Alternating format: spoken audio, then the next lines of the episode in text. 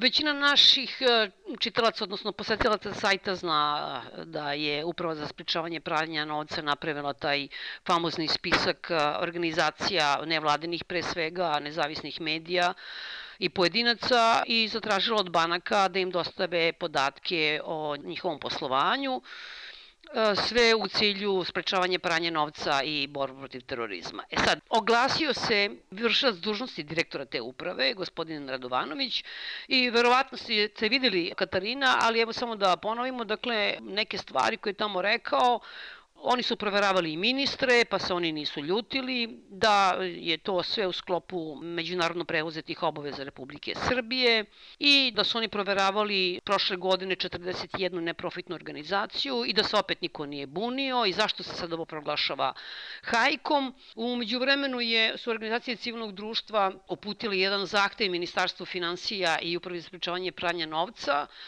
Tako da evo ja vas molim da za početak da prokomentarišete pre svega ove navode gospodina Radovanovića i da nam objasnite o čemu se radi u tom zahtevu koje su uputile organizacije civilnog društva i medije. Prvo, meni je jako drago da se vršilac dužnosti direktora uprave e, oglasio povodom uh, cele ove uh, akcije, jer je kroz to svoje oglašavanje dao dodatne argumente da za, nije rađeno po zakonu. On je zapravo rekao da se ljudi i nevladine organizacije su se na spisku našli ne po osnovu sumnje da su, da kažemo, e, izvršila određena jel, krivična dela, da financiraju terorizam i slično, već su se tu našli radi neke procene njihove rizičnosti, eventualnog, e, da kažemo, učešća e, zajedničkog u akcijama uprave za spričavanje novca. Dakle, on je zapravo rekao da je celu akciju sproveo mimo tog člana 73 na koji se pozvao kada je bankama uputio dopis sa zahtevom da se dostave te informacije.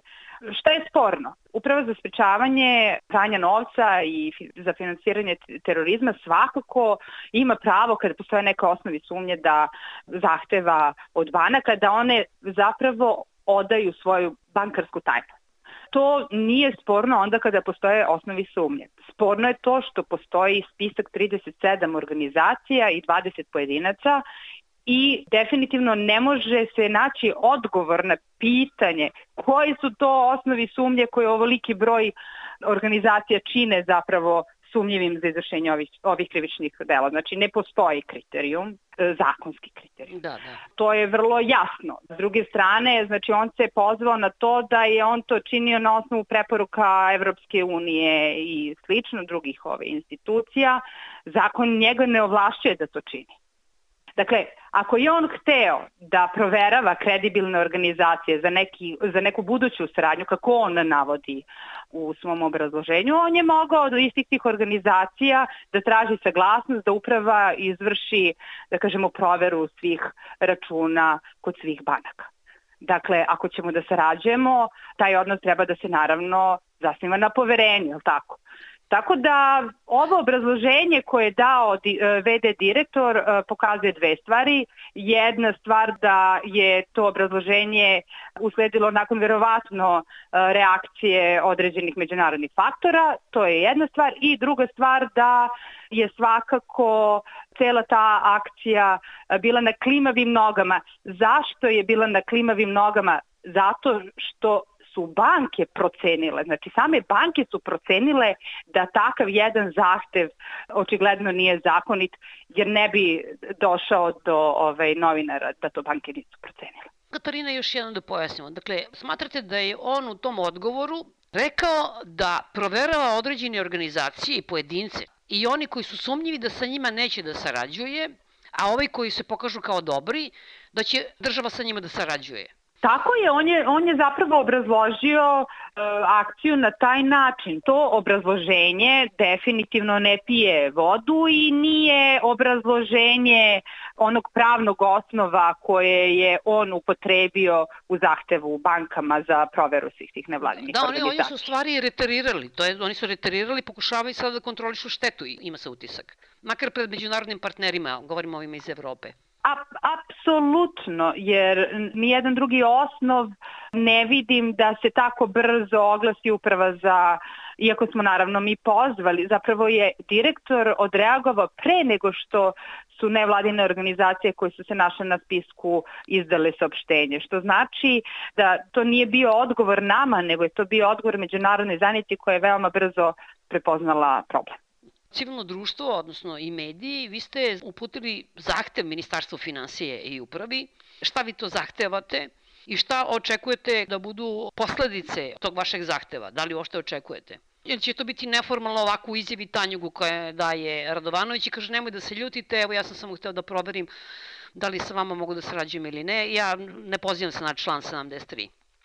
Mi e, smo organizacije koje smo u celu ovu priču ušle ne radi e, neke naše zaštite, znači nego pre svega radi vraćanja institucije u, u njihove tokove. Mi zahtevamo da se institucije ne zloupotrebljavaju i zahtevamo da prestane pritisak na slobodu izražavanja i na slobodu udruživanja, jer smo uvidom u spisak jasno uočili da su organizacije koje su se na spisku našle i pojedinci zapravo ljudi koji su vrlo argumentovano upućivali e, kritike na razne akcije i politike kako ove vlasti, tako i nekih prethodnih, jer su sve u nizu organizacije koje dugo, dugo rade u oblasti vladavine prava u Srbiji. To se često govori da je zajednički imenitelj i organizacije pojedinaca, praktično većine. A ima tu nekoliko koje su tu samo da bi napravile zabunu, čini mi se. Tako, tako je. Jel da?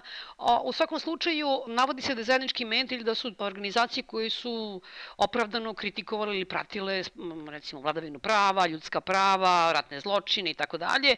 Međutim, sve da nije tako, sve da su one pogrešno radile, ovo nije način da vi koristite Ministarstvo financija da se obračunate sa njima. Potežete celu državu državu da bi se obračunala sa ljudima koji kritički misle, pa čak i pogrešno ako misle. Tako je. Tako je, pa suština cele priče jeste i to neosnovano upotrebljavanje tog državnog aparata koji je inače jako, jako slab i da kažemo potpuno uh, upitno korišćenje tih ljudskih resursa za redakcija koje nemaju nikakvog osnova. To nije, nije sporno proveravati. Nije sporno raditi e, na građanju bezbednosti u, u, u državi Srbiji i šire. Znači, sporno je način na koji se to radi. Beogradski centar za bezbednostnu politiku je prvi izlazio sa tim na koji način i kako treba proveravati i nevladin sektor kako bi se zapravo videlo da li neko učestvuje u aktivnostima finansiranja terorizma. Dakle, Mi smo aktivni bili na tom polju i tačno je. Uprava za sprečavanje novca je svakako sarađivala sa nevladinim organizacijama, ali ovo način na koji se to radi prosto nije zakonit. Prosto nije zakonit i mi ne možemo da pristanemo na to da se uprava za sprečavanje novca na taj način bavi nevladinim organizacijama i pojedincima koji kritikuju vlast. Bilo koji građanin može se onda naći na udaru ukoliko kritički se odnosi prema bilo kojoj, kojoj akciji. Znači, svi lekari mogu da se nađu na udaru s obzirom da su skoro, jel da kažemo, potpisali peticiju. Znači, to je, to je sledeći korak. Kao šta, šta možemo da očekujemo? Zato smo i rekli da, da, da sa takvom, da kažemo, zloupotrebom institucije mora da se stane. Ovde nismo meta mi, ovde su meta svi građani. Svi oni koji imaju šta da kažu. Izgleda da je to i na neki način i poruka koja se šalje mnogima koji bi hteli ili da se udružuju ili da budu kritični ili da bilo šta kažu. Mislim, ili da se prošetaju centrom grada, da prođu kada su protesti pa da ne dobiju batine. Mislim, to je pokazna vežba.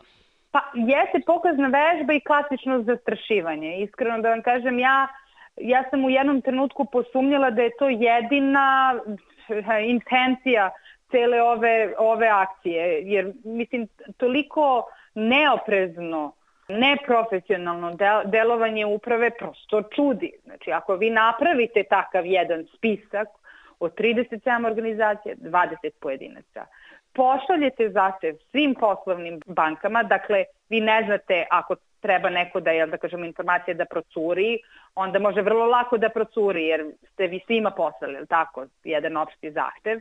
Znači, ne znate ko je dao informaciju onda, znate, prosto kao da se imala namera da izađe, jel da kažemo, van i onda da krene reakcija nevladinih organizacija, onda građani da kažu aha, evo oni ipak kriju, to su strani izdajnici, pa evo e, brane se da ih kontrolišu i to je neka nova diskonekcija nevladinih organizacija od građana koja svakako postoji. Sve imam utisak da, znate šta, da se zapravo cela ova akcija vrši radi pripreme nečeg drugog, nečeg mnogo važnijeg, gde bi nevladine organizacije možda mogle da artikulišu neki predlog, preporuku, kritiku, šta god, ali da se to tako ne čuje, jer pazite, oni strani izdajnici, oni su kriminalci, njih e, su svi ispitivali, pa sada ih ispituje i tužiloštvo, jer pazite, sledeći korek, e, po korak posle uprave za sprečavanje novca jeste tužiloštvo.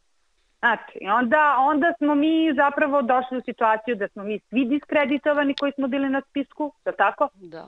Da će naše akcije biti potpuno diskreditovane kod građana. Eto, to, to je cela priča. Znači, cela priča jeste diskreditacija, Na kraju moramo da kažemo da ako je kriterijum bio, ne znam, finansiranje od stranih donacija, sve donacije koje prima konkretno Komitet pravnika za ljudska prava, prima i ta uprava za sprečavanje novca.